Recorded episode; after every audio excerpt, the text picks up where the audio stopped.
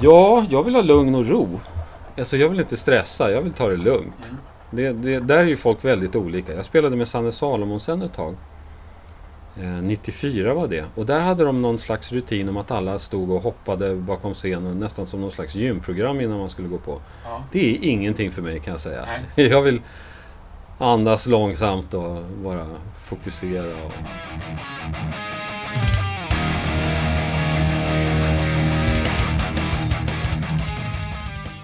Du lyssnar på Rockpodden.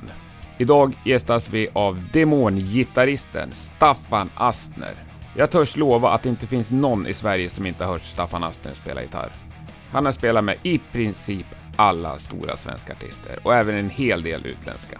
Staffan har under årtionden varit en av Sveriges absolut mest anlitade gitarrister.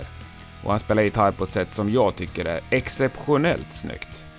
Därför ser jag extra mycket fram emot den här pratstunden jag tänkte vi skulle snacka lite om livet och alla dessa artister och alla dessa turnéer och alla dessa skivor han har varit med och spelat på. Sen får vi se om vi avslutar lite med Staffans favoritämne, Hammarby. Du lyssnar på Rockpodden med mig Henke Branneryd. Jag önskar dig en god lyssning.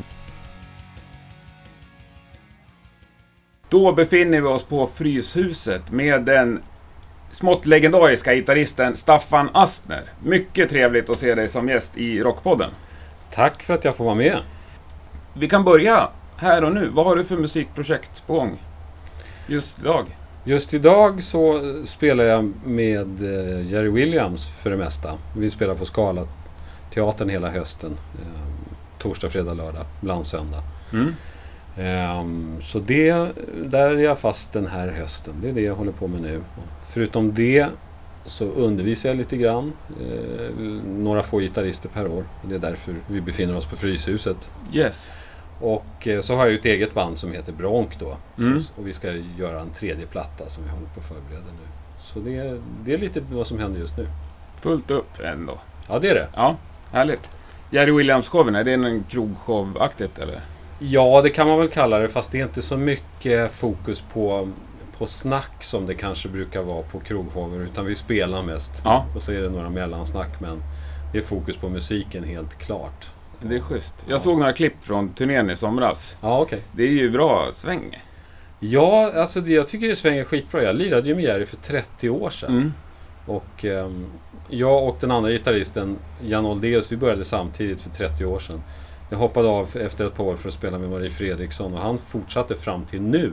Okej. Och när han slutade då kom jag tillbaks. Jaha. Så det känns lite roligt. Men jag måste säga att det är ännu roligare nu än vad det var då. För då var det lite mer så här folkparks raggarrock. Ja. Medan nu är det mer fokus på, på sväng och, Ja. och lite roligare låtar och lira helt enkelt. Ja, det var nästan lite storbandskör nu.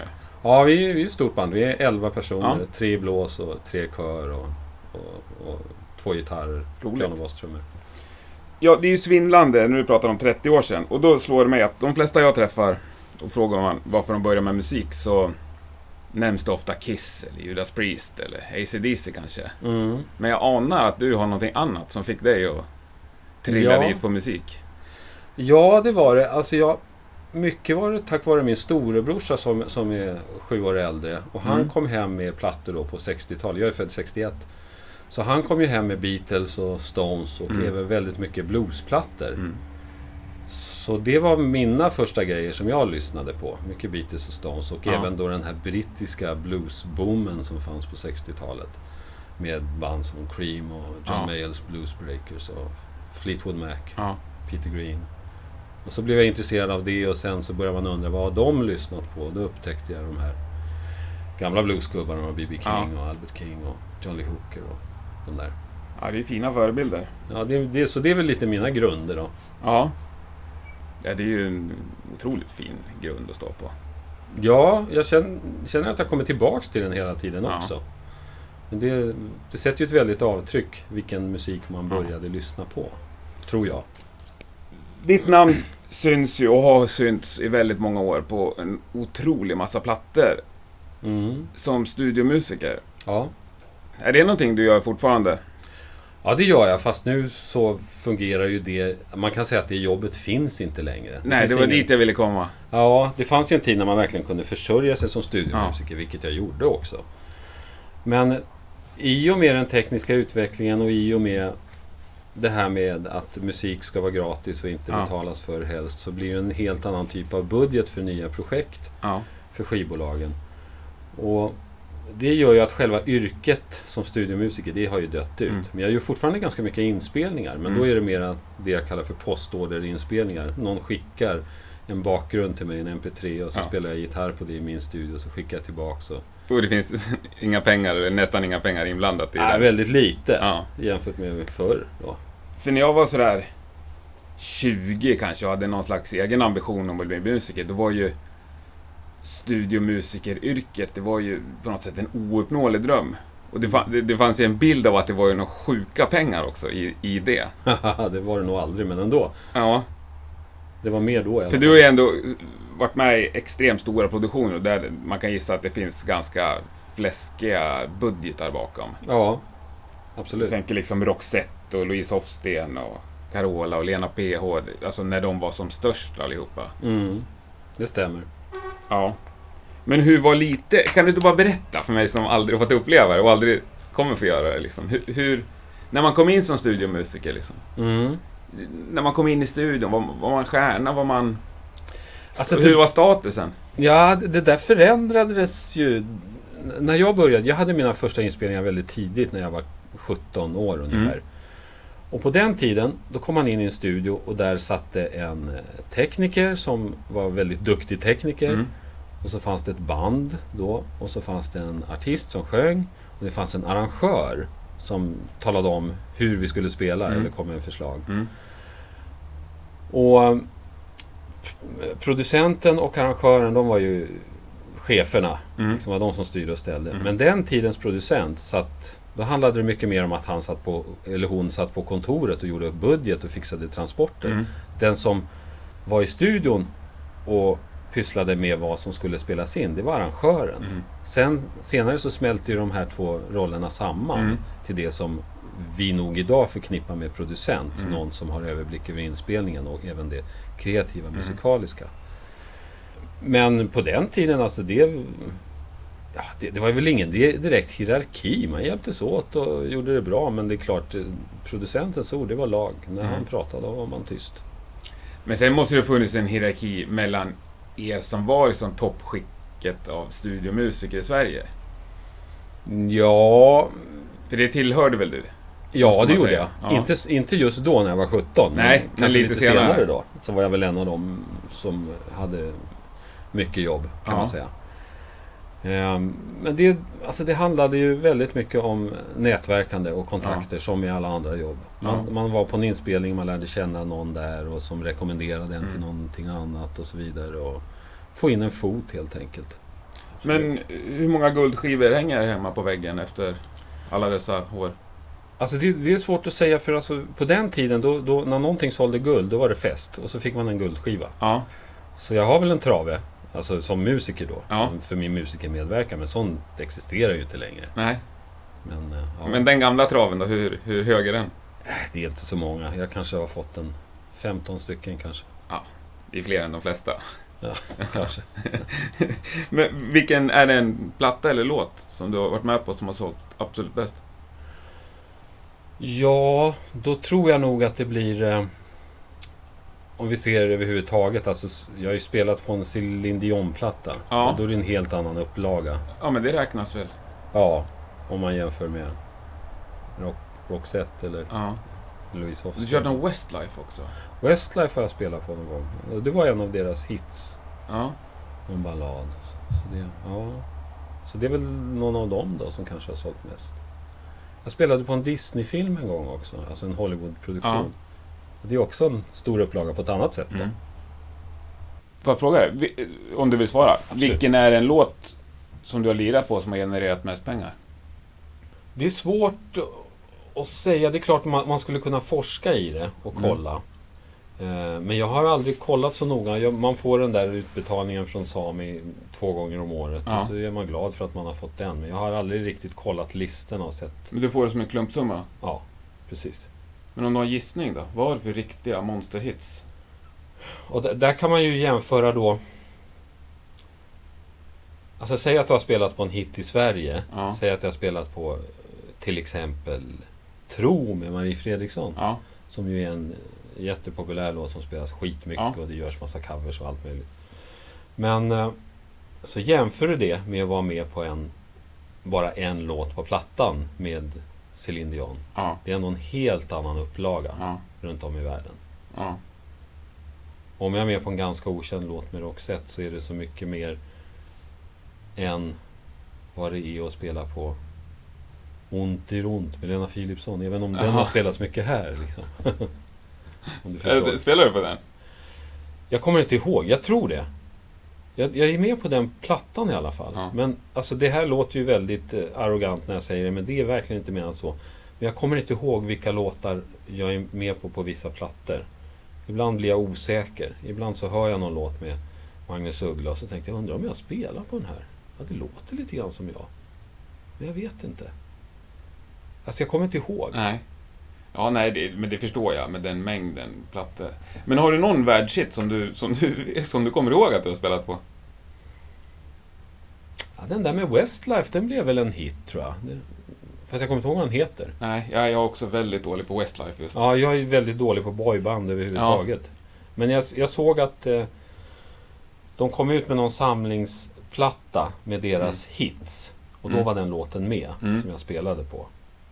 Så, ja. Ja, ja men det är väl skapligt då. Om du ska sätta ihop ett band, Ja, vad börjar med? Vilken, vilken eh, del av bandet väljer du ut först? alltså jag är ju väldigt eh, rytmbaserad. Så, Mm. det, så det, det är bas och trummor som svänger. Där, det, är, det är liksom fundamentet. Rätt svar. Ja, Gissar Nej, att du är basist. ja jag vet. Ja, det är. Eller jag spelar bas i alla fall. Ja. Ja, nej, men roligt. Och vad har du för favoritbasist? Eh, min favorit är Sven Lindvall. Mm. Som också är med i mitt band. Ja, det är också, också rätt svar. Han tror ju att det är hans band, men det är mitt band. Ja, okej. Trummisen tror att det är hans band, Ja. men det är det inte. Det är mitt. ja, det är lite av en supertrio ni har. Ja, tack. Ja, men det måste man säga. Otroligt bra. Ja, men om vi, om vi är inne på det då. Favoritgitarrist då? Mm. Den frågan har jag ju fått förr och där blir jag alltid lite kluven för då kan man ju se vilka är det som har influerat mig mest och Mm. om jag tittar på historien vilka har haft mest betydelse överlag.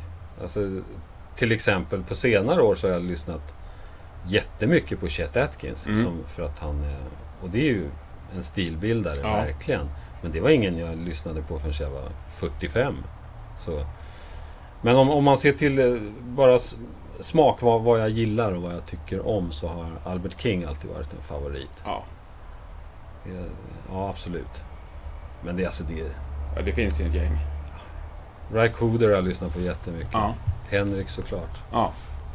Och sen snöade jag in väldigt mycket på det här med att spela eh, kompgura. Så, Mm. så jag, jag hade en lång period när jag satt och lyssnade på mycket gammal soul och Motown Mm. och, och gammal R&B och liksom försökte lära mig att kompa som Mm. de där. Och favoritbandet då var kanske Meters Mm. som jag lyssnade mycket på. Fruktansvärt bra. Ja, jättebra. Ja. Fortfarande favorit. ja. Men det, det är kanske därför jag tycker att du är så grym som gitarrist. För att du spelar verkligen kompgura. Tack. Det är ju sjukt sällan jag saknar ett gitarrsolo sådär. Mm. Står och tänker att åh, om det kan komma ett solo snart. Men däremot en snygg kompgura kan man ju nästan inte få nog av. Nej, jag, jag säger det till mina elever också. Att, Ja. eh, Kom ihåg att ett, spelar du bättre kompgura så spelar du bättre Ja. solon. Och två, vad är det du gör mesta delen av tiden? Ja. Alltså det är 90% spela kompgura och Ja. 10% solo kanske. Nej, jag gillar ju som James Brown. Så alltså det, de gitarristerna finns ju nästan inte Nej, nu för tiden. det har jag lyssnat jättemycket på. Ja. Verkligen. Asbra. Nej, jag upptäckte ju dig med Louise Hofsten Rhythm and Blonde-plattan. Mm. Och det, när kom den? 93? Ja. Då var jag ju liksom inne i någon slags dödsmetallträsk, tror jag. Mm. I övrigt eh, liv. Eller inte träsk, men jag lyssnar nog i princip bara på sånt. Mm. Lite Johnny Winter och mycket dödsmetall. Mm. Och sen så kom en gitarrkompis till mig och bara lyssna liksom, du måste. Och satt och plock, vi verkligen så här pekade ut vissa sekvenser i den där plattan. Och den är ju Nej, det är sjukt bra gitarrspelare på den. Tack så mycket. Som håller än idag. Alltså, otroligt bra. Mm, det är jättekul att Ja. du säger det och tack så hemskt mycket. Det, det, är, det är ju många som har sagt till mig i efterhand Mm. att de har lyssnat på den plattan. Ja. Vilket ju är en stor komplimang naturligtvis. Det var tre veckor sedan i ett annat poddavsnitt, tyvärr efter mikrofonen var avstängd, så tog han upp eh, den plattan så han bara Och apropå gitarrister, den här! Fy fan vad bra, sa han liksom. Vad var det för gitarrist? Han ska skicka blommor till. Det var eh, strängen. Aha, okej, kul. Tack strängen. Lyssnar du på mycket musik?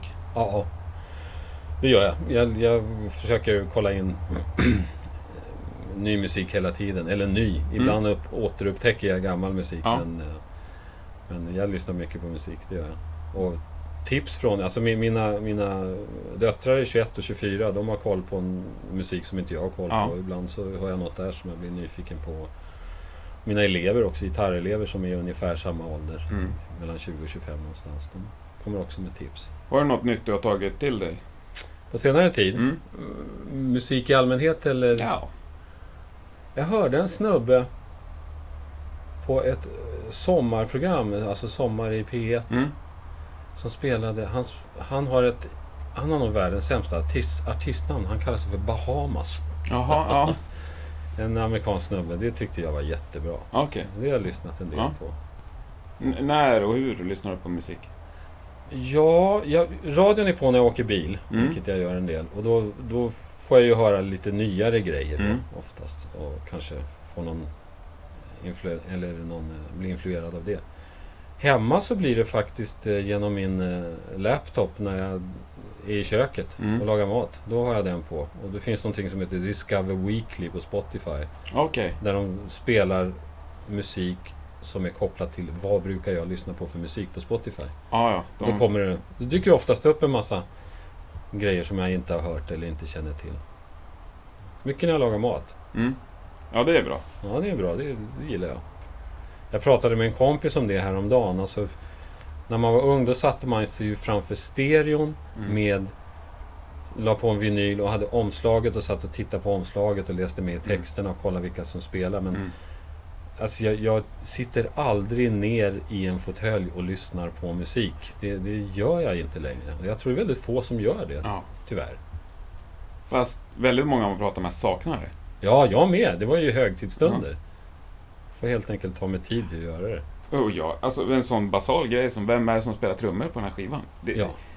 Jag är då fast också i Spotify liksom. Du Mm. lär gå in och googla, det är inte alltid du hittar svaret. Det är, det, det, det är tråkigt. ja, det tycker jag är skittråkigt. Ja. På tal om den här perioden när jag lyssnade på gammal eh, soul och Mm, Motown. mm. Då var det ju till och med så att jag åkte in till skivbörsarna och köpte skivor med folk där jag kände igen namnet. Ja. Men det här är, här är James Browns Ja. gitarrist eller det här är han som spelade med Sly Ja. Stone. Och så köpte jag den bara för att här är nog kul gitarr att lyssna Ja. på. Förutom att man hoppades att det skulle vara bra musik naturligtvis. Men Och man kunde ju alla namn, man hade ju koll. Man, ja, ja, nu har man ingen aning. nej, Det är tråkigt. ja, det är jättetråkigt. Det finns ju en liten revival på vinylsidan. Ja, det är kul. Många musiker har ju fastnat på det igen. Ja. Jag tror inte att det är bara nostalgi. Nej, det är, det är svårt det där. Alltså, Mm. Jag tycker ju fortfarande det låter bättre med vinyl. Ja, det gör det. Det- Jag, jag tycker ju det. Sen vad som är ljudkvaliteten och vad som är ja, nostalgi, det, det kanske är en blandning. Mm. Jag vet inte. Men jag föredrar helt klart vinyl. Jag, man värdesätter musik annorlunda, tänker jag. Just som du sa, det är gratis, det är fritt och det är tillgängligt. Mm. Förut då hade du liksom kämpat ihop det och Precis. Där, där, köpt den här plattan liksom. Då skulle Precis. det lyssnas på den också. Ja, och då skulle man verkligen ge den en chans. Ja. Det, där, det där är så rätt det du säger nu. För jag tror att även om det är fantastiskt att vi har sådana här saker Mm. som Spotify, vi kan kolla upp vilken musik vi vill när som Mm. helst och lyssna. Det är ju underbart på Mm. ett sätt. Men eh, jag tänker på när jag var 15 och och Led Zeppelin kom ut med en ny platta. Då sparade jag ihop pengar för att köpa Mm. den här plattan och jag väntade på den. Den Mm. kommer om tre veckor, Ja. kanske. Den kom om fem veckor. Ja. Sen tog jag hem den och nästan darrade i händerna när jag satte på den på skivspelaren och Ja. kollade vad har Led Zeppelin gjort på sin nya platta. Och lyssnade på den varje dag i hur många veckor som helst. Det är ju en annan... Ett annat förhållande till musiken. Jag känner igen det. Jag får ju magpirr bara du berättar om det. Ja, Ja, alltså, ja. Men vi ska väl vara glada att det utvecklas kanske och att det går vidare. ja det, är, det är fint att den är tillgänglig för alla, musiken. Det är Ja. jättebra. Om de kunde lösa det där med ersättningen vore det bra bara. ja. För så länge de inte gör det så kommer det inte komma in några pengar som satsas på nya artister. Nej. Nu tjänar i och för sig skivbolagen väldigt bra på Spotify i alla fall. Mm. Eftersom skivbolagen äger Spotify. Mm. Men ehm, det, alltså, på 80-talet till exempel, då var det ju inte alls o- ovanligt att eh, det var några hundratusen i en budget för att göra en ny skiva med en helt okänd Nej. artist. Det, det finns ju inte på Nej, kartan nej. idag. Nej, nej. Det som jag kan tänka blir lite positivt är ju att live-spelandet har ju blommat ut för många artister. Mm, vilket är jättebra ju. Ja, jättekul. Mm, verkligen. Vad spelar du helst då? Live eller i studio? Det, det är äpplen och päron lite där för mig. Mm. Alltså bägge har ju... Det där med live, det är ju... Den häftigaste grejen med det, det är ju att det sker i stunden och det görs tillsammans med publiken. Mm. Det är en interaktion mellan de som Mm. lyssnar och de som spelar. Mm. Det blir ett ögonblick Mm. som är väldigt speciellt. Mm. Men jag kan också gilla tanken på att när man spelar in saker i studio att man... Att man... eh, Att det, ark, det blir ett arkiv av det. Det här gjorde vi då. Vi Ja. satte det på pränt. Det finns kvar. Mm. Ett avtryck. Ja, jag förstår. Det tycker jag också finns en charm med. Ja. Men du har ju turnerat också oändligt mycket. Mm. Mm. Vilken längsta turné har du gjort? Längsta turné jag gjort... Alltså jag har ju turnerat när en turn, turné har hållit på i ett halvår fast man har kommit hem emellanåt. Mm. Men det längsta jag varit borta är nog åtta veckor i Australien tror jag. Med? Med Erik Bibb. Jag var Mm. där flera gånger men första gången vi var där då var det verkligen Mm. åtta veckor och ja, man spelade hela tiden i Ja. princip. I varenda stat, i varenda huvudstad och eh, 40 ställen till. Erik Bibb är en artist som du har hållit dig nära. Mm, vi har spelat jättemycket de senaste tio åren. Ja. Mm. På duo också väldigt mycket. Ja. Ja, det, det har mycket att göra med dels vad det är för budget Mm. och eh, beroende på hur pass framgångsrik han är i det landet vi spelar. Ibland när vi kommer till Frankrike så säger de att eh, vi vill ha en kvartett eller vi minst en Mm. trio. Och så finns det andra länder där han inte är lika stor och då kan man köra på duo. Ja, då bantar ni ner. Ja. Ja, inte- ja, det finns inte budget för mer. Nej, jag fattar. Men vad, vad kör ni helst på? Bägge har sin charm, Ja. tycker jag. Men i vilket sammanhang trivs du bäst? Inte bara med Eric Bibb, om du tänker rent eh, generellt.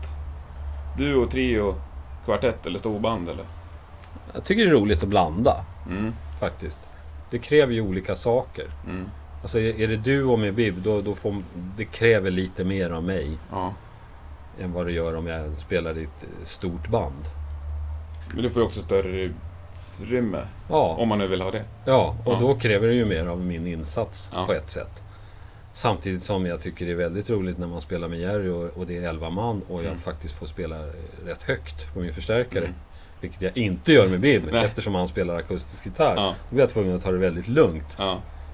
såklart. Så det, ja, det är, ibland är det kul att få skruva upp också. ja, roligt. Få förunnat att få, få blanda så mycket som du gör och har gjort. Ja, det är jag tacksam för. Ja, men om vi tar, vi återgår lite till turnerandet. Har du någon turné eller någon artist som ligger dig extra varmt om hjärtat? Som att jag har turnerat med. Ja. Mm, jag tycker det har varit kul de här åren med, med Eric Bibb. Det har Ja. varit jätteroligt faktiskt. För det... Vi har aldrig gjort dåliga gig. Han, är alltid, han ger alltid järnet. Mm. Han vill alltid att det ska bli så bra som möjligt. Mm. Han gör det aldrig för att få det överstökat utan han ger järnet jämt. Mm. Vilket är väldigt inspirerande. Och det måste jag säga, det gör Jerry också. Alltså han, Mm. han brinner ju för musiken. Mm. Och när, den, när artisten som man spelar med gör det, då blir det väldigt lätt att spela. För då, Mm. då får man själv ett väldigt bra brinn Mm. Mm. och en inspiration av artisten. Mm. när de vill mycket. Men eh, Bib ligger mig väldigt varmt om Mm. hjärtat. Det vi har gjort väldigt roliga turnéer. Om du söker på Rockpodden på Spotify så finns det en spellista där jag har lagt upp ett axplock av de låtar som vi pratar om och som Staffan medverkar på. Där ligger även några låtar från tidigare avsnitt av Rockpodden.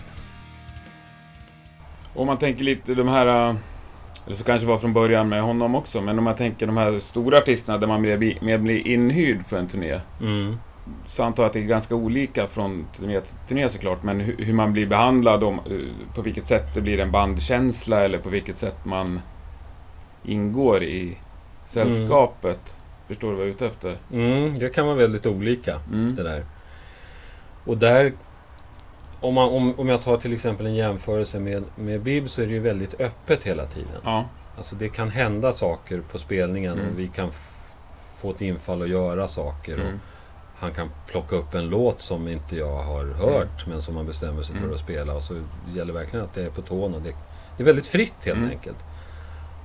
Och till kontrast då så ibland så finns det sådana här stora produktioner som man åker med. Där med mycket ljus och ljud och sånt Mm. där. Där man ska stå på ett ställe i samma, på just den låten. På den Mm. låten ska man gå över dit till den sidan. Och då är det mer fastställt exakt vad man ska spela. Mm. Vilket jag tycker är väldigt svårt. Mm. För då, då blir jag lätt uttråkad om jag ska spela exakt samma sak hela tiden. Men eh, där, där skiljer sig ju ganska mycket då. Då är man mer en del av en stor produktion. Mm.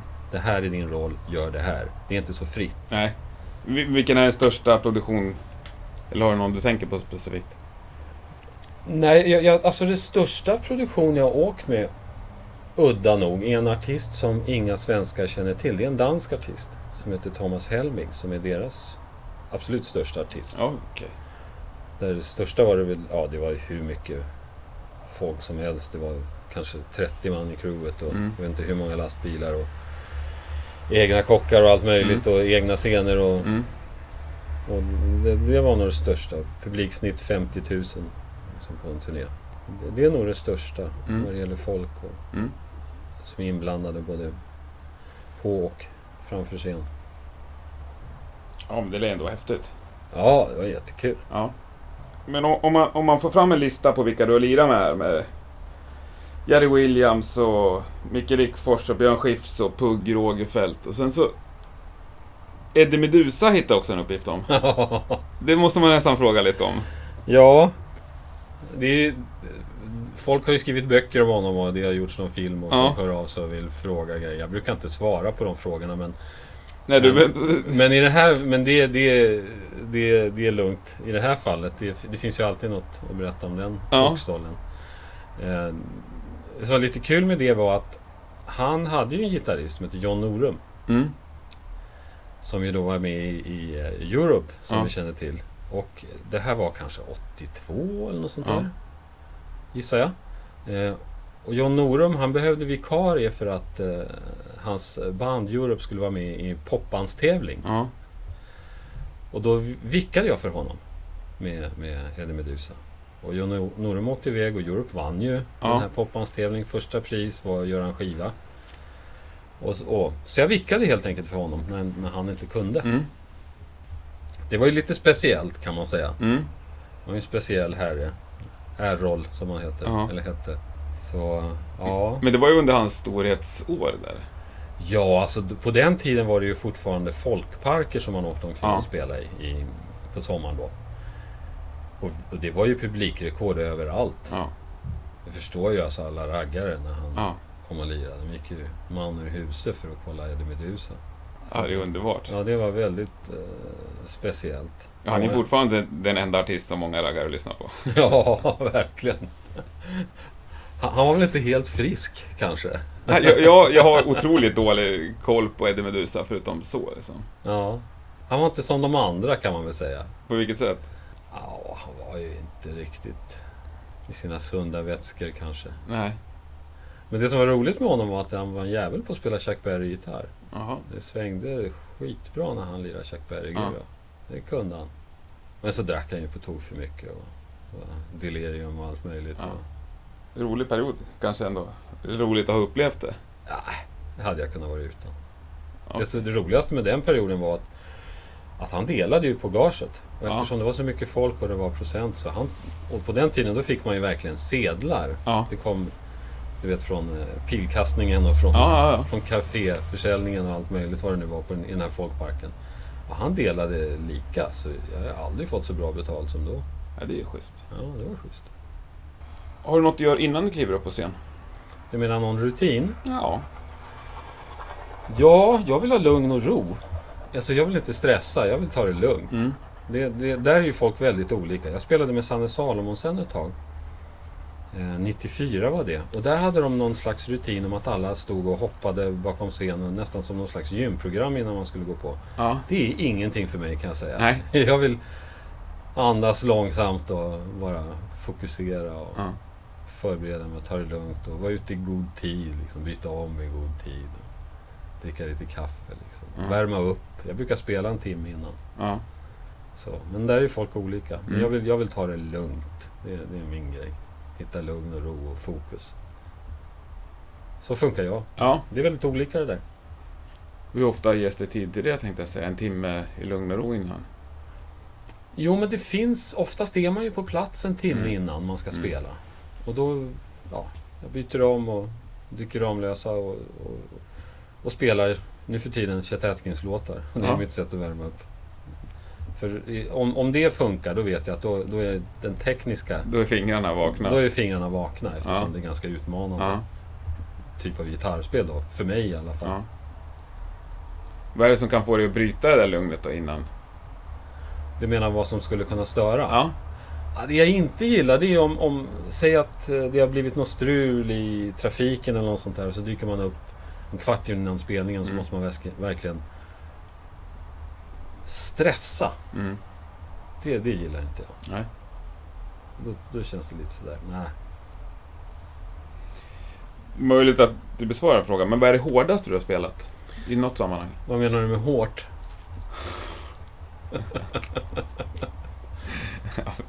Fri definition? Nej, men alltså hårdaste musiken tror jag att jag var ute efter.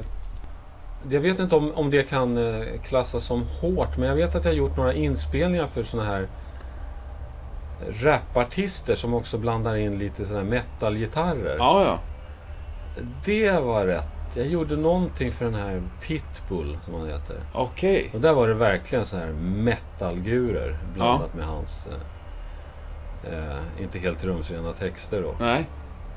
Det, Det det, det var rätt hårt. Ja. Och det var rätt hård musik också med tanke på uttrycket och, Mm. och programmering och allt sånt där. Och, Men det är inget som skrämmer dig? nej, Nej. nej absolut inte. Men- Det var roligt. Vad, vad skulle du tacka nej till? Eller vad har du tackat nej till? Och spela in? Eller Ja, spela spe- överhuvudtaget? In eller live? Bra fråga, för där, där skiljer det sig vad det gäller att spela in och spela live. Mm. Alltså spela live, då är jag mycket mer noga med att det måste vara ett sammanhang som jag trivs med. Folk som jag trivs med och en musik som jag trivs i. Där Mm. jag kan spela flera gig i veckan under en lång period. Mm. Då är det jätteviktigt att jag känner mycket för musiken. Mm. Vad det gäller inspelningsjobb, då kan jag spela in nästan vad som helst och fortfarande ha kul när jag gör det. Ja. Det behöver inte vara den musik som ligger mig närmast om hjärtat. Nej. Då blir det mer, i värsta fall då, hantverk. Alltså jag, jag, jag gör mitt hantverk. Det kanske inte är någonting som jag tycker är bästa musiken. Men jag måste ändå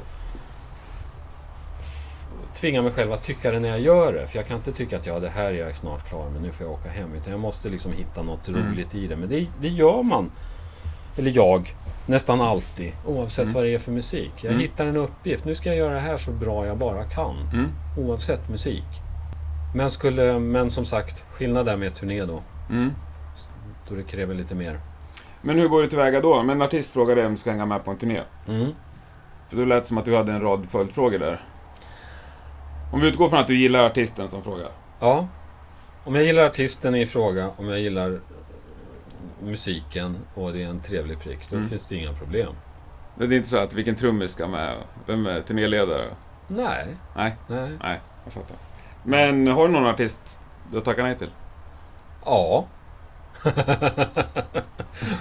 Flera stycken. Ja. Men det kanske känns lite taskigt att säga för att man sågar dem då. Men, eh, men, det, men det, då kan jag säga att det är inget...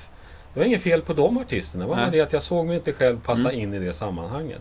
Då var det bättre om de tog någon som tyckte att det här kommer bli Mm. jävligt kul och det här kommer jag göra bra. Jag kände att Nu är det fel casting här. Ja. Jag, jag ska inte vara gitarrist här. Det, det, det är fel Och casting. Du är inte ute efter att jag ska såga någon, men det är roligt Nej, att, I vilket sammanhang ser du dig själv inte passa in då? Jag tror inte det finns något specifikt sammanhang att det är en speciell sorts musik. Eller, Nej. Utan det är mer nog känslomässigt. att Vad kan jag bidra med här? Kommer Mm. jag tycka att det här är kul? Mm. Om, om jag känner att nej, jag, jag är inte rätt man och jag tycker inte om den här musiken. Då ska jag inte åka med. Nej. Det är bättre att åka med som, som, tycker, som brinner för det. Ja. Man blir ju ändå nyfiken. Jag tänker mig att du har fått frågor från en hel del väldigt, väldigt stora artister. Ja, så många är det inte, men några. Ja. Mm. Kan du inte säga någon du har nobbat? Jag tycker det känns lite taskigt. Ja. Det, det, då, då, blir, det- då blir det indirekt som att säga att de är dåliga. Då, liksom, det vill jag inte göra. Ja, okej. Jag respekterar det. Har du spelat med Thomas Ledin någon gång? Nej, eh, jag har... Eh, anledningen till att jag skrattar är för att jag ser ett så stort leende komma upp på dina läppar. Ja.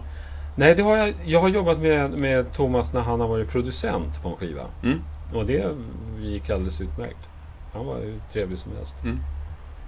Eh, men jag har aldrig spelat med honom live. Nej. Vem är den mest musikaliska person du någonsin har spelat med? Ooh.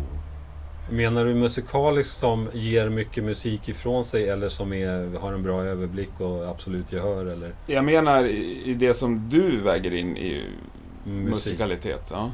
Då är det Ray Charles, helt klart. Du har lirat med honom? Ja, det, det var... Då kände jag att okej, nu har jag kommit så långt jag kan vad det gäller det här. Mm. Den, och det har ju naturligtvis att göra med att jag har lyssnat på honom innan. Ja. Och så kommer man dit och så spelar man med honom. Så får man den här musiken. Så känner man att nu är det på riktigt alltså. I vilket sammanhang spelade med honom? Han fick Polarpris Ja. och ville ha ett storband ringde han och sa dagen innan. Men det fick de inte ihop så, de, så han fick ihop eh, en kvartett istället. Och så- Ringde han till dig? Nej, nej, det var då hans... Ja. Ja, de som hade hand om eventet Mm. ringde och frågade. Men det är stort ändå. Hur länge sedan var det? Ja, det var när han fick Polarpris. Ja. Det kanske är... Vad kan det vara? 15 år sedan? Mm. Något sånt där? 20? Ja, det är stort. Ja, det var, det, var, det var kul. Det var en upplevelse. Det var nästan lite läskigt tyckte jag. Inte just då när man spelade, men efteråt när man tänkte shit, vad var det där för någonting? Ja, häftigt. Men det var roligt. Han var på väldigt bra humör. Och det var kul. Har du någonsin funderat på att spela in en soloskiva? Nej, det är väl lite det vi gör med, med Bronk då, mitt band med Per och Sven Lindvall. Ja. Att det- det är ju våran soloskiva. Men eh, jag har funderat på att göra det lite grann också för att det är så svårt att få ihop våra scheman. Och Mm. Jag skulle gärna vilja spela mer med, med Bronk. Men Mm. det, det är svårt att få ihop våra scheman trots att vi bara är tre. Mm. Så då har jag funderat lite ibland på att göra någon, göra någon egen skiva. Mm. Men då skulle det vara något helt annat i så fall. Jag spelar ju mycket akustisk gitarr också. Ja. kanske skulle vara lite sånt. Mm. Till Chet Atkins. Ja, nå- något sånt och lite akustiska grejer. Och Mm. Kanske lite mer bluesigare grejer och, Mm. också.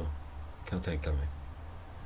Men det är bara fritt? eh, Ja, ja, det finns ingen konkret plan. Men, men det vore ett roligt projekt att göra och kanske bjuda in några av sina kompisar att vara med. Och, Mm. som Bib till exempel. Mm. Någon låt. Och, ja, sådana som man har spelat med genom Mm. åren som kommer med och är med på någon låt eller någonting. Tycker jag låter som ett lysande upplägg. Ja, det. Det, det, när, vi, när vi pratar om det så känner jag att det vore ju kul. Ja, bra. Ta tag i det. Som ett litet sidoprojekt. Ja, ja, visst. Ja, En sån stickning liksom, som man kan ta upp när man har lite tid över. precis. Det var bra, Ja, bra beskrivet. ja jag fick det rådet för något år sedan. Jaha. Alla människor ska ha en stickning. Det, det, det ska jag sno av dig direkt. Ja. Det uttrycket. Det var jättebra tycker jag. Gör det. Det här är min stickning. Har du alltid varit liksom din egen? så- Har du varit... Ja, i, i Bronk är du bandmedlem, men, men Mm. bakåt i karriären, har du varit medlem i något band någon gång? Tillfälligt sådär, men inget som, som man har tagit något längre än. Nej. Nej, det enda är nog egentligen Bronk som har varit band som har hållit på en stund. Annars har man kanske haft något projekt och samlats och lirat Ja. lite. Men sen har det inte blivit så mycket mer av det. Hur kan det ha blivit så tror du? Ja, det är lite konstigt eftersom min dröm var ju alltid att vara med i ett band. Ja. Det var, jag såg ju det här som alltså, spela in skivor och jobba åt andra artister. Att det var ju skitroligt och är fortfarande Ja. skitroligt. Men jag vill ju alltid ha, vara med i ett band. Ja. Skriva låtar till bandet och repa och Ja. liksom ha en plan. Det var, men det, ja. Jag vet inte varför. Det kanske är slöhet eller brist på tid eller... Nej, det, det känns ganska annorlunda. Eller om jag ser till mina musicerande kompisar så är det ju väldigt annorlunda. Mm. Där har man ju ett band. Mm. Och de flesta har kryssat mellan olika band, eller flera band samtidigt, hela Mm. tiden. Men de har ju heller aldrig haft en, en, en session-musikerkarriär på det sättet som du. Jobbat med musiken annars. Jag, jag tror det kanske kan underlätta om man försörjer sig på något annat och inte spelar på dagarna. Ja, Då kan man kanske lättare överskåda att man ska repa med bandet på torsdag. mm. Man kanske inte är jättesugen med att repa med bandet när man har spelat in en hel dag. nej. Eller det är ju inte kul helt enkelt. Nej. Det vill man ju att det ska Ja. vara tyst en stund. Men har du någonsin försörjt dig på något annat än musik? Nej. Nej. Ja, det jag gör nu då, det är att jag har några gitarrelever per år och eh, några låtskrivarelever. Men det, ja. Det är det då. Det är ändå ganska, ganska rätt klart i musiker, Ja, ja, det- är musikfacket. musik också. Ja, du jobbar inte på posten. Nej. Nej, men det är skönt. Det är stort. Ja, samtidigt som... Ibland så, så gör vi i Bronk sådana här workshops eller clinics. Mm.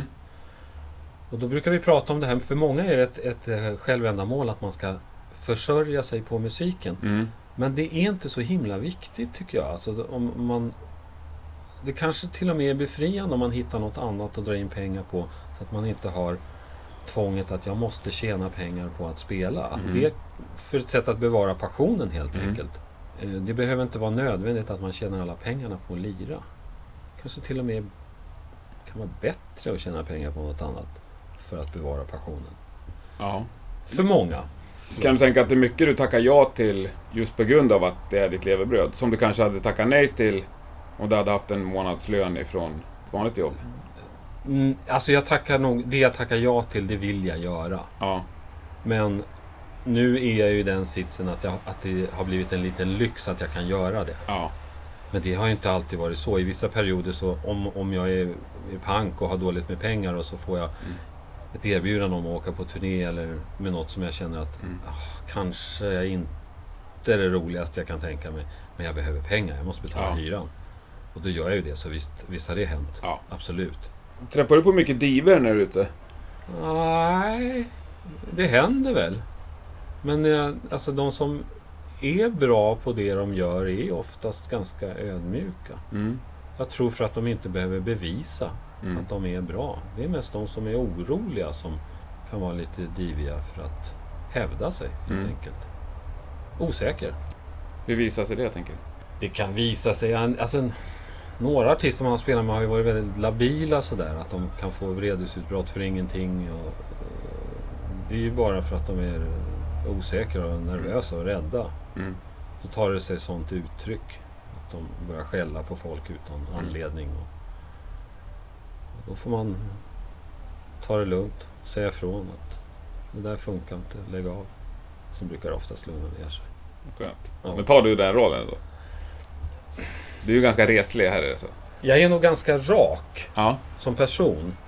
Jag, jag, jag säger nog för, förr i tiden ganska, lite för ofta vad jag tycker. Mhm. Nu håller jag mig lite coolare nu för tiden. Men det, är det någon som håller på att jävlas så säger jag ifrån. Mm. Absolut. Och det är inte alltid populärt. Nej. Man får göra en avvägning där. Alltså man kan ju inte gå omkring och ont i magen Nej. heller. Måste ju säga ifrån om det inte känns bra. Men har du sagt ifrån så mycket så att det har fått konsekvenser? Liksom? Ja, jag har sagt ifrån så mycket så jag har fått sparken. Det har hänt. Ifrån... Inte, ja det vill jag inte säga. Får man sparken måste man kunna berätta. Nej, men det är återigen, jag vill inte snacka skit om en artist sådär, men eh, det har hänt att jag har sagt ifrån att det där, det där eh, uppförandet, det köper inte jag, det där går inte. Sen Då fick så- du packa och dra på studs. Inte på studs, men efter nästa spelning. Ja. Hur länge sedan var det? Några år sedan. Det är så pass, alltså i, i mogen ålder? Ja, säga. Det, det var mer turnégrej då. Mm. Men sen har det hänt, jag har fått sparken från en inspelning någon gång också. Men då, då sparkade jag mig själv för jag märkte att alltså, de ville ha mig att spela något som jag verkligen inte kunde få till. Jag sa det, tyvärr alltså, jag fixar inte det. Ni får nog ringa någon annan. Alltså rent musikaliskt? Ja, det handlade om, det var någon som hade gjort en, en, en, ett produktionsteam och då hade de spelat gitarr själv. Och så ville de att jag skulle kopiera deras gitarr rakt av. Och då sa jag, varför ska jag göra det för? Mm. Ni har ju redan spelat in den. Varför ska jag kopiera det ni redan har gjort? Mm.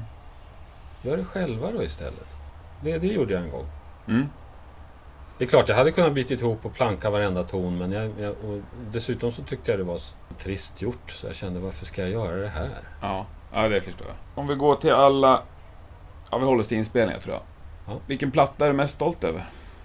Som du har medverkat på? Ja du. Oftast brukar det ju vara den senaste man har gjort. Men eh, jag tyckte... Jag och Erik Bibb gjorde en platta som heter Troubadour Live. Mm. Den är jag stolt över. Mm. Den tyckte jag blev jättebra. Det är en liveplatta från Katalin i Uppsala. Som... Eh, när jag, när jag hör den nu så kan jag fortfarande tycka att nej, men det där ja. blev bra. Ja, den är jättefin. Ja, du har hört den? Ja. Ja, den tycker jag om. Absolut. Och jag älskar liveskivor också. Ja, det är kul. Ja, jag tycker att det... Även om jag vet att man kan fuska hur mycket som helst. Kanske i och för sig svårare på, på den typen av musik. Men ja. som rock går ju att fuska enormt i efterhand. Ja, det gör det. Men jag, jag lurar mig själv att tänka att det är mer äkta när det är live. Ja, jag förstår din tanke. Mm. Vad det gäller just den skivan så hade vi två kvällar på Catalina mm. vi skulle spela in. Och vi spelade in första kvällen och det blev inget bra alls. Nej. Det lät faktiskt inte särskilt bra om något. Så nästa dag så gjorde vi så att vi spelade in ett par låtar på soundcheck. Mm. Som blev väldigt bra.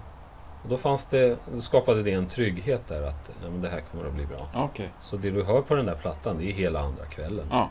Inget klipp eller någonting. Mm. Det är verkligen så var det den kvällen. Kul att höra. Var det något du skäms över? Ja, jag är inte stolt över att ha spelat med i Medusa direkt. Nej.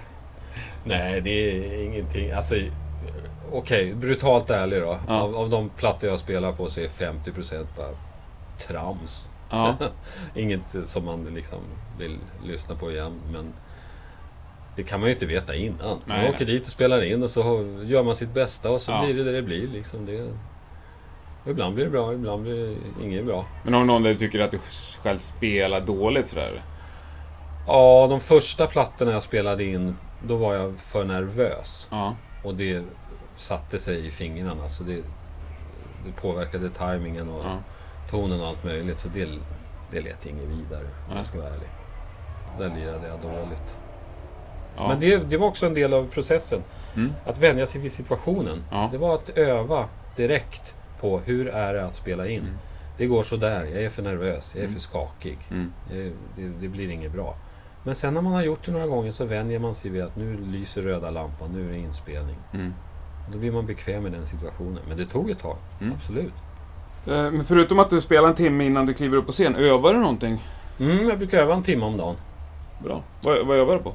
Chet Atkins-låtar. Eller den sortens, alltså ja, fingerpicking ja. på akustisk gitarr. Jag har en god vän som heter Emil Ernebro som är bäst i Sverige på det tycker mm. jag. Han är en fantastisk gitarrist som jag tycker ni ska kolla in om ni inte har mm.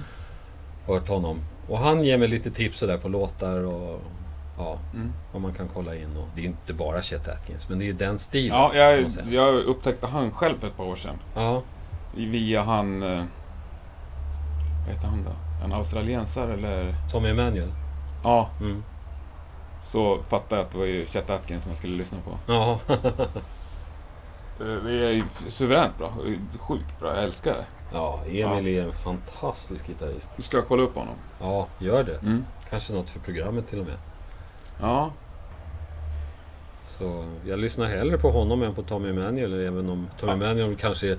Tommy Emanuel är nog den bästa gitarrist jag någonsin har hört vad det gäller liksom teknik, koordination, mm. time, allt det där. Men det blir lite för mycket cirkus för mig så jag brukar tröttna efter tre mm. låtar. Men jag tycker att Emil han har den där grejen utan att det blir cirkus, det blir musik. Han är en klar favorit. Och en inspiration. Jag förstår exakt vad du menar. Sen så, ibland kan jag vara tacksam att det finns folk som gör lite cirkus av eh, alla genrer. Ja, för, det att, för förstår att de jag. drar uppmärksamhet till det som finns under. Ja, och det förstår ju jag. Alltså, Ja, om, jag om jag tar med mig min, min flickvän och går och tittar på eh, en klassisk gitarrist som sitter exakt likadant och Ja. spelar fantastiskt så kanske jag får ut skitmycket av det medan hon tycker att det kan bli lite Ja. tråkigt i längden. Men har du då någon som Tommy Emmanuel som hoppar upp och ner och Ja. har trumsolo på gitarren, då blir det ju en show på Ja. ett annat sätt. En annan typ av underhållning Mm. som når fler människor, Mm. tänker jag. mm. ja, det har han gjort bra. Ja, det är verkligen. Nej, du snackade lite om din storebrorsa och det var därför jag började musik. Men att det blev gitarr, var det, varför blev det gitarr? Av den anledningen att jag inte fick spela trummor. Jag ville spela trummor. Ja, Men vi bodde i en liten lägenhet och då sa mina föräldrar att ja visst du kan få spela trummor men då får du gå i kommunala musikskolan. Kommunala musikskolan var toppen, det var en jättebra grej. mm. Men jag visste vad trummisarna gjorde där, de spelade marscher. ja, Och det var inte jag intresserad av. Jag Nej. ville spela som, jag ville vara som Charlie Watts i Rolling Stones. Och spela backbeat. Och då funkade det inte riktigt att kunna göra det i en liten trång lägenhet. nej. Så då hade vi en gitarr hemma. Min brorsa spelade gitarr. Och han visade mig en, en blues 12 och eh, någon Stones-låt. Sen var det klart. Sen fortsatte jag. Spelar du trummor nu för tiden? Nej. Jag spelar lite på en, en del inspelningar som jag gör själv när jag producerar själv. Ja. Men då handlar det om att spela och klippa ihop. Mm. Jag är ingen trummis Nej. alls. Spelar du några andra instrument? Bas, men det Mm. kan ju vem som helst spela. Nej, jag skojar bara. Men, Ja. men bas spelar jag ofta på, eh, eller har spelat på en hel del inspelningar. Och framförallt sådana som jag producerar själv. Ja. Det är samma där, jag är ingen basist. Alltså, ingen, jag är inte bra på bas, men ibland kan man höra att nu vill jag ha de här Mm. tonerna och så spelar jag in Mm. dem. Och, ja, ofta för att man inte har råd att ringa en basist. Mm. Men du är liksom mitt uppe i karriären och har hållit på väldigt länge ändå. Mm. Vad, vad är det som driver dig till att fortsätta? Jag tror det är, det, det är väl lite som en drog, tänker jag. Att jag, jag måste ha den här musiken. Jag tycker om den här musiken. Jag kan inte leva utan den. Jag kan inte tänka mig att, att inte spela. Nej. Och sen en annan sak som driver mig det är att jag tycker det är roligt att kolla in nya grejer. Mm. Jag vill lära mig nya grejer. Vilket jag också gör. Mm. Hemma och övar på. Sen om jag aldrig har någon användning för dem, det spelar ingen roll. Men jag var intresserad och nu vill jag kolla in vad är det här för musik? Mm. Hur spelar man här? Och så vidare. Så, men jag tror det är den här passionen framförallt till musiken som Mm. jag alltid kommer att ha. Alltså det spelar ingen roll vad jag försörjer mig på. Jag kommer alltid att spela gitarr för jag tycker att det är kul. Mm. Så är det bara. Ja, det låter jättebra. Ja, det, det är skönt att ha den kompisen Mm. med sig. Väldigt många gitarrister som jag träffar på, de, de är ju något slags ständigt eh, tekniksnack och bytande av prylar. ja. Det verkar vara en sjukdom för just gitarrister. ja, den är nog extrem för gitarrister. det Ja, Men har, har du liksom hittat det perfekta soundet? Nej, det gör man inte. Nej. Det gör man aldrig. Jag, jag tror jag har gått eh, cirkeln. Alltså jag startade med en nylongitarr och sen elgitarr, sladd, förstärkare. Elgitarr, en pedal. Elgitarr, ett pedalbord, förstärkare. Mm. Till 80-talet då det var rack Ja. med prylar. Och det skulle vara stereoreturer på effekterna Ja. och en clean i mitten. Och från det till att gå tillbaks till elgitarr, pedalbord och förstärkare. Där jag är nu. Ja. Så jag har olika pedalbord. En som går in i handbagaget när jag flyger och en annan som jag har i studion. En, ett tredje pedalbord när jag åker med Jerry till exempel. Ikväll ska du spela på Scalateatern. Men hur nöjd är du på en skala 1 till 10 med det gitarrljud du har? Jag är nöjd. Ja, ja, En 10? jag skulle... Om det inte vore för in-ear så vore det en tia. Ja. Det, det drar ner det lite. ja. För det, gitarr låter inte så kul i in-ear-system. Nej. Även om vi har jättebra monitortekniker. Men in-ear är ju... Det är något annat att höra det från förstärkaren. Mm. Alltså, det blir en fysisk grej också. Än att höra det från ett litet in-ear-system. Men ja... Där är det, ja, men där är det nog eh, 8 av 10 i alla fall. Jo, men Åtta, det är inte långt, det är inte mycket ändå.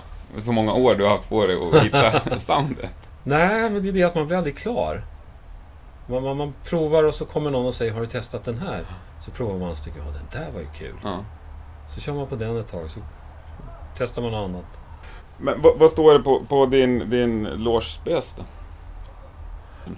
Alltså logen. Ja, din rider. Ja, vad, står det på, rider. vad står det på den? Ja, där så beror det ju på hur man spelar med då. Jaha. Ofta så får man ta det som erbjuds. Eh, men eh, senast jag skrev en sån var när vi var med, med Erik ute och spelade på en längre turné. Mm. Och då var det vatten, någon flaska vin, man kan ta ett glas rött. Eh, någonting ätbart, typ något lättare. Sallad, kycklingsallad, något sånt där. Mm. Inte allt för tung mat. Eh, innan gigget. Mm. Eh, frukt. Mm. Ehm, ja, väl det. Men du kan ta ett glas vin innan du spelar?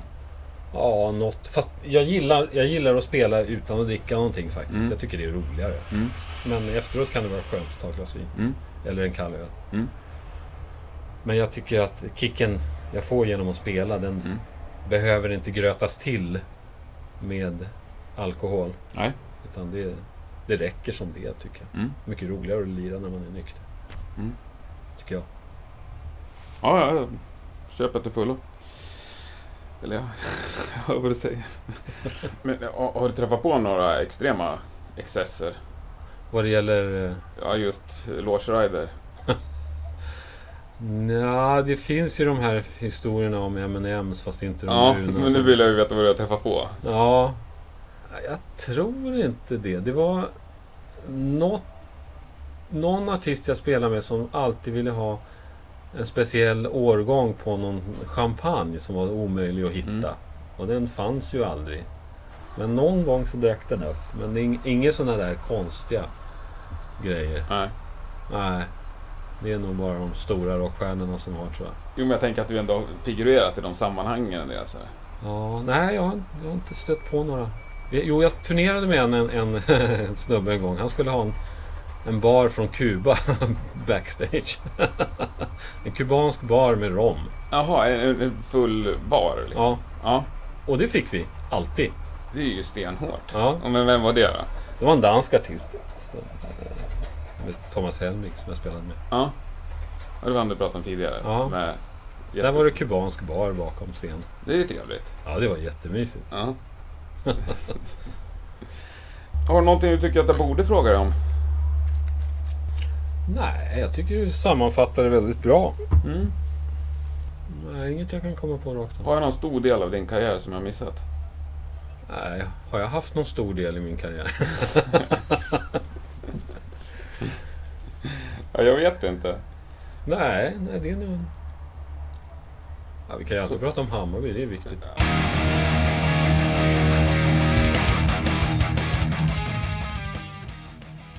Det var allt för idag. Stort tack för att du har lyssnat. Om du har tips eller önskemål på en gäst du vill höra i Rockpodden får du gärna skicka in det. Enklast på Facebook eller Instagram eller Twitter. Vi heter kort och gott Rockpodden på alla ställen.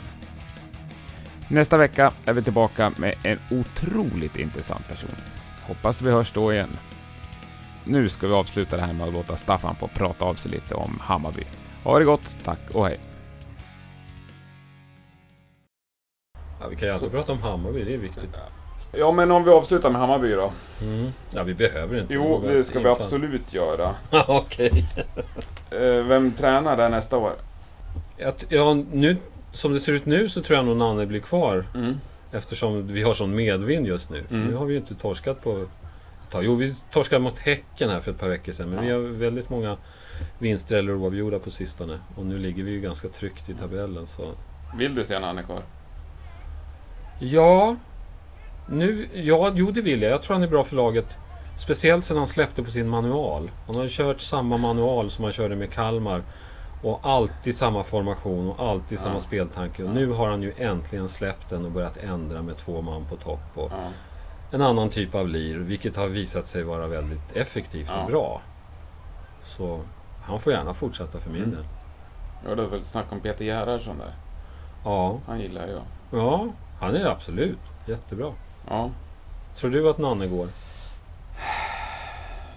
Jag, jag har ju alltid tyckt att Hammarby verkar otroligt nervös som förening. Liksom. Mm. det kan jag förstå att utomstående tycker. Ja. Jag hade liksom fyra, fem eh, tränare på lönelistan ett tag. Ja, Och nu börjar några helt okända amerikaner nu börjar liksom vara helt ja just det. planlöst. Jag är inne på det jävla IF liksom.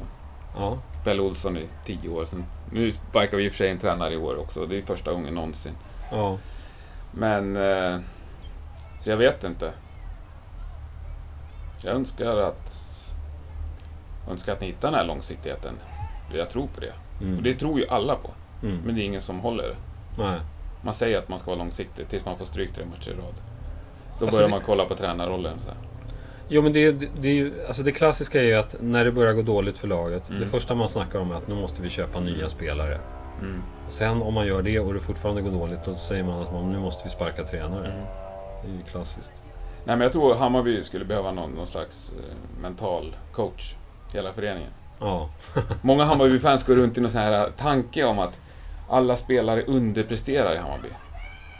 Har du hört det? Ja, jo jag har hört det men jag håller Ja, inte de är med. skitbra, sen kommer de till oss och underpresterar. Vadå underprestera? Liksom? Det- det- Alltså, för mig är det Nej, ofattbart. det, är, det, är, ett då- det är ett dåligt ord. För vad då? Ja, Det man gör för stunden är ju det man presterar. exakt. Det, Du är ju så bra som du är. Ja, du är aldrig bättre än ditt sista gig. Nej, precis. Så är det ju. Du kan inte spela 20 matcher i rad och säga att du underpresterar alla Nej, 20. nej, det- det- det då är du ju inte. inte bättre än så. Det jag tror är lite speciellt för Hammarby-fans är att om du till exempel jämför med en klubb som AIK. Mm. AIKs supportrar och ledningen förväntar sig att AIK ska slåss om guldet. Mm. Och kommer de två eller tre så är det en besvikelse. Mm. Hammarby, visst, vi har drömmar och förhoppningar men vi tror inte på att vi ska hamna i toppen. Vi är glada om vi inte åker ur. Så det finns en helt annan utgångspunkt vad det gäller vad man förväntar sig. Ja. Bara vi sköter oss och inte åker ur så är vi glada. Det, är en ganska stor skillnad. Trots att vi är ett gammalt lag som har varit med hur länge som helst och Mm. spelat jättemycket i Allsvenskan. Men det är ingen som riktigt... Alltså när vi tog guld var vi ju chockade. Vi visste inte hur vi skulle bete oss. Vi var inte vana vid att... Ska, ska vi? Varför Som ni betedde er när ni tog upp. Så, Ja, det är underbart. Nej, jag önskar er all lycka. Du, tusen tack Staffan. ja men det var så lite. Det var Ja, kul att få vara med. jättetrevligt. Ja, Ja, kanon. verkligen.